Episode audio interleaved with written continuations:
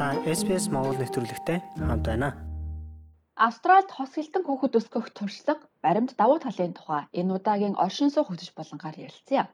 Хүүхэд хос хилтээ өсгөх нь давуу талтайг судалсан баримтууд олон байдаг. Гэхдээ туршлагаас харахад хүүхдтэйгээ хэрэгцээнд тааруулан давхар хэл эзэмшүүлэх нь зүйтэй юм а. Хэлний ялгаатай байдал Австральд асар их байдаг. Хамгийн сүүлд хийсэн хүн амын тооллогын дүнгээс харахад Австральд 5 гэр бүл тутмын нэгээс илүү нь өөр хэлээр гэртээ ярьцгаадаг гэжээ. Эцэг эхчүүдийн хувьд хос хэлтэй хүүхэд өсгөх нь хэлний боловсролын хувьд том шалгуур болдог. Мельбурний их сургуулийн профессор Джон Хажак түүний учрыг ингэж тайлбарлаж байна. Бид хос хэлтэй хүүхдүүд уншиж бичих, тоо нэмж хасах зэрэг суур хичээлүүдтэй илүү сайн гэдгийг аль хэдийн мэддэг. Гэтэл үүнээс илүү өргөн хүрээтэй зүйл бий. Хүүхдүүд ялгааг ойлгож, эргэн тойрныхоо хүмүүсийг мэдрэх, өөрийгөө ойлгох зэрэг хувь хүний хөгжлийн түвшинд давуу талууд олон байна. Судалгаанаас харахад өөр хэлтэй эсвэл өөр хэл сурч байгаа 4 5 настай бяцхан хүүхдүүд харилцаж байгаа хүнийхээ өрөвдөх сэтгэлээр ханддаг. Тиймээс эргэн тойрны хүмүүс нь юу хүсэж байгааг мэдхийг илүү хичээдэг байна. Энэ нь хүүхдтэд давуу талтай болохоос гадна тухайн нийгэмдээ ч маш ашиг тустай юм а. Тухайн гэр бүлийн хувьд хэл сурна гэдэг залуу хойч үеийнхэнд соёлын мэдлэгийг ч давхар дамжуулж байгаа хэрэг юм гэж тэрээр үргэлжлүүлэн ярьлаа. Хэл болон соёл нь хоорондоо маш нягт холбоотой байдаг. Унган хэл өв уламжлалт соёлоо хадгалж өөр хүүхдүүдэд сургаж чадаж байгаа 2 3 дахь үеийнхний маш гайхалтай түүхүүд олон байдаг. Гэхдээ энэ тухайн хүмүүсийн болон хувь хүний хувьд хэр чухал вэ гэдг нь тухайн хүмүүсийн л шийдэх асуудал юм а. Бид энэ сэдвээр хос хэлний хөтөлбөртэй нэгэн баг сургуулийн захиралтай ярилцсан юм а. Энэ бол Виктория мужид 1984 онд анх байгуулагдсан Abbotsford гэдэг primary school-ийн захирал Стенли Вонг юм а. Виктория мужид яг ийм хос хэлний хөтөлбөртэй 12 баг сургууль байдгийн нэг нь энэ сургууль хятад англи хэл дээр хөтөлбөртэй юм байна. Хүүхдүүдэд хэлтэй болгохчийн хүсэлтэй ч хятад биш гаралтай залуу гэр бүлүүдийн хувьд энэ хөтөлбөр маш их эрэлттэй байдаг. Одоо энэ байдал өөрчлөгдөж байна. Грек, Македон, сүүлийн үед Итали, за нэмээд мөн Вьетнам хэлний хос хэлтэй хөтөлбөрүүд ихээхэн нэмэгдэж байна.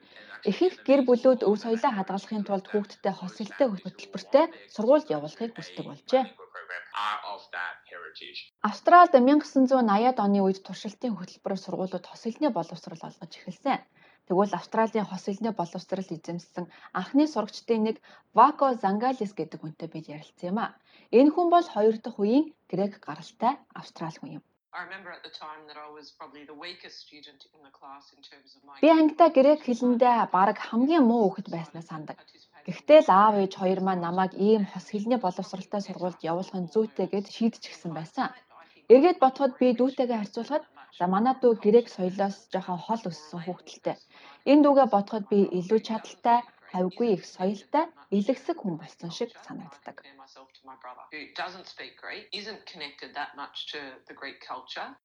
Хүүхдүүд хос хэлний сургуульд ороход харьцуулагдах нь бага байдаг тухай сургуулийн захирал мистер Ванг ярьсан юм а.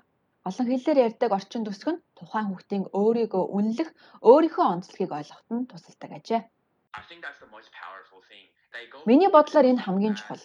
Тэд гэртээ байхдаа уг гарал хаанаас гарсан ямар хүн гэдгийг мэддэг. Их хэллээрээ ярихдаа илүү тайван чөлөөтэй байж соёлын ялгаагаа ойлгодог.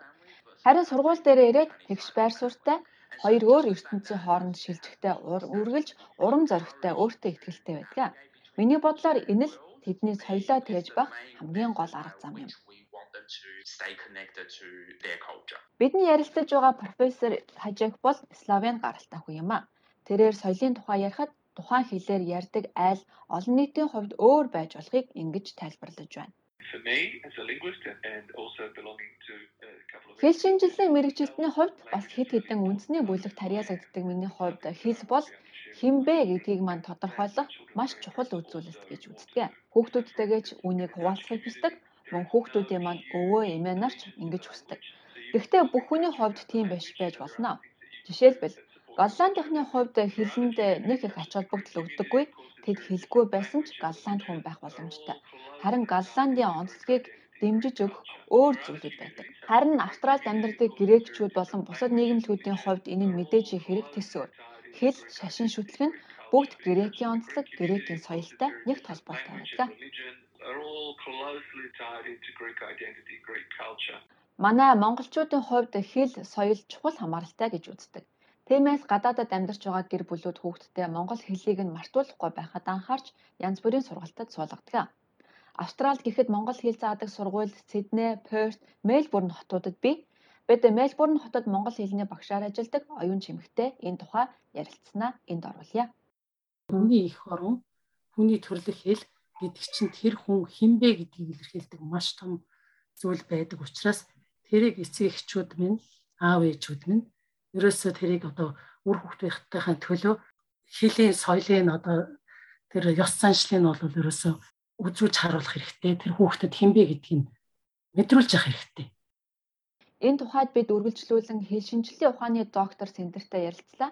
Сендер бол Австралийн Куртны их сургуулийн боловсролын сургуулийн ахлах судлаачаар ажилладаг юм а. Монгол хэлээ хадгалж үлдэх нь бол маш чухал. Ялангуяа одоо манай гадаад орнуудад ажиллаж амьдарч байгаа монголчуудын хувьд бол монгол хэл соёлоо хадгална гэдэг бол үнэхээр чухал. Яагаад гэх юм бол хэрвээ тухайн хэл ингээд устдаж үгүй болох юм бол тэр хэлтэй цуг, тэр хэлтэй холбоотой тэр соёл, уламжлал, түүх, үнэт зүйлсүүд ч гэсэн бас адилхан тийм сүнх аюултай. Энэ бол ерөөсөө хэл шинжилгээний бол гол батлагдсан одоо онлуудын нэг шүү дээ тий. Тэгэхээр зэрэг бидний хийх ёстой гол зүйл бол нэг generation буюу нэг үе одоо ахмад үе бол залуучууд хүүхдүүдтэй заавал сайн зааж өгөх хэрэгтэй.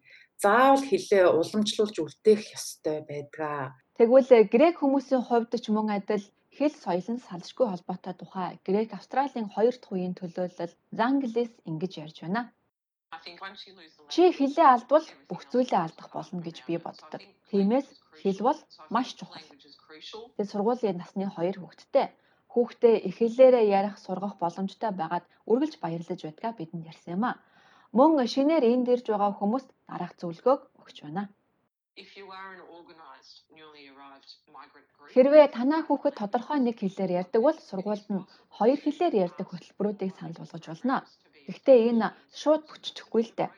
Тэр сургуульд нь энэ хэлээр ярьдаг олон хүүхэд байх хэрэгтэй мөн эцэг эхчүүдийг нь цуглуулна, сургуулийн хамт олонтой ярилцаж, боловсрол сургалтын газраас сургуулиудад дэмжлэг үзүүлэхийг санал болгож болно. Амаргүй олон даваатай нүүр тулчж магадгүй хэдэн жил ч энэ тухай ярьж хөөцөлдөж болно. Гэхдээ л нэг хэлтэй сургуулийг хос хэлтэй болгох боломж бий. Номын сан үлгэр түүх ярих гэх мэт хичээлийн дараах хөтөлбөрт ч мөн үүнийг хэрэгжүүлж болох тухай тэрээр мөн ярьж байна. Манай хэсэг эцэг эхчүүд нийлээд Ричмондын номын самтай ярилцсан юм а. Бид 20 эцэг их нийлж өөрийн хэлээрээ түүх ярих цаг зохион байгуулж болох хэсэг. Аль өдөр хэдэн цагаас гэх мэт зохион байгуулалтаа ярьж тохиролцоод энэ ажлаа хийсэн юм а. Гэтэ энийг хийхэд хамгийн гол нь олон нийтийг зохион байгуулах хамгийн чухал юм байна лээ гэж бид ойлгосон. Хос хэлтэй хүүхэд өсгөж байгаа гэр бүлүүдэд профессор Хажакийн хэлэх зөвлөгөө бол хүлээлтэд бодтой байлгах хэрэгтэй гэсэн юм а. Та хүүхдээ өөрийн хэлээр төгс ярьдаг байх ёстой гэж боддгоо. Миний хариулт бол мэдээж үгүй. Австралид өссөн хүүхдүүдийн хувьд хамгийн хүчтэй хэл нь англи хэл гэдгийг бид ойлгох ёстой.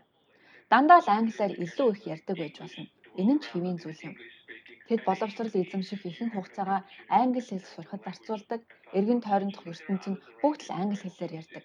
Хэдийгээр та өөрийн хүүхдийнхээ төрлөх хэллийг хадгалж хүүхдтэд өвлүүлж үлдээж чадахгүй байгаа ч таны эргэн тойронд туслах чадвартай хүмүүс олон байдаг. Тэгэхээр хэл соёлоо хадгалж үлдэхэд тухайн хүүхдийн өвөө, эмээ нар асар их үүрэг гүйцэтгэдэг юм шүү. Хэлний боловсролыг хүүхдийнхээ амьдарч байгаа бодит байдалд нийцүүлэх нь хэл соёлыг дарамт гэж ойлгуулахгүй байх гол түлхүүр юм гэж тэрээр мөн ярьлаа. Хүүхэд бүхэн соёл харилцаанд аль нэг тал руу хэвээлгүй өөрийнхөө байдаг. Гэтэл бид түүнийг хийж шахаж эцэстээ энэ нь сөрөг сэтгэл төрүүлдэг. Энэ бол тийм ч хүсэх зүйл биш. Эцэг их сурган хүмүүжүүлэгчдийн анхаарах ёстой нэг зүйл байна.